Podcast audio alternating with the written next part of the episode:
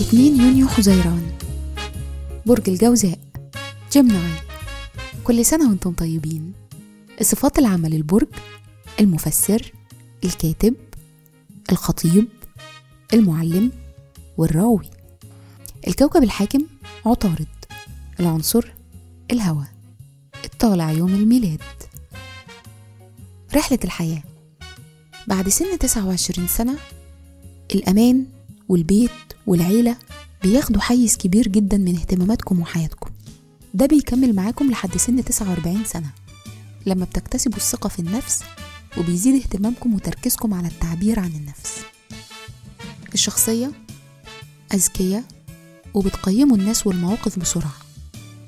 بتقدروا قوة المعرفة كمان شخصيات نبيلة وقائدة وعندها ثقة في نفسها. مهرة العمل فهمكم السريع للناس وسحركم البسيط بيضمن لكم النجاح في مجالات عمل زي المبيعات والعلاقات العامة.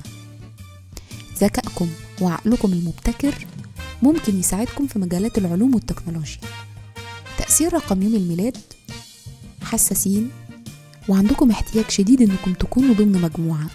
ده تأثير رقم اتنين عليكم. في الحب والعلاقات بالرغم من إن البيت من أهم الحاجات في حياتكم لكن لازم تاخدوا بالكم علشان علاقاتكم ما تقعش في الفخ بتاع الروتين.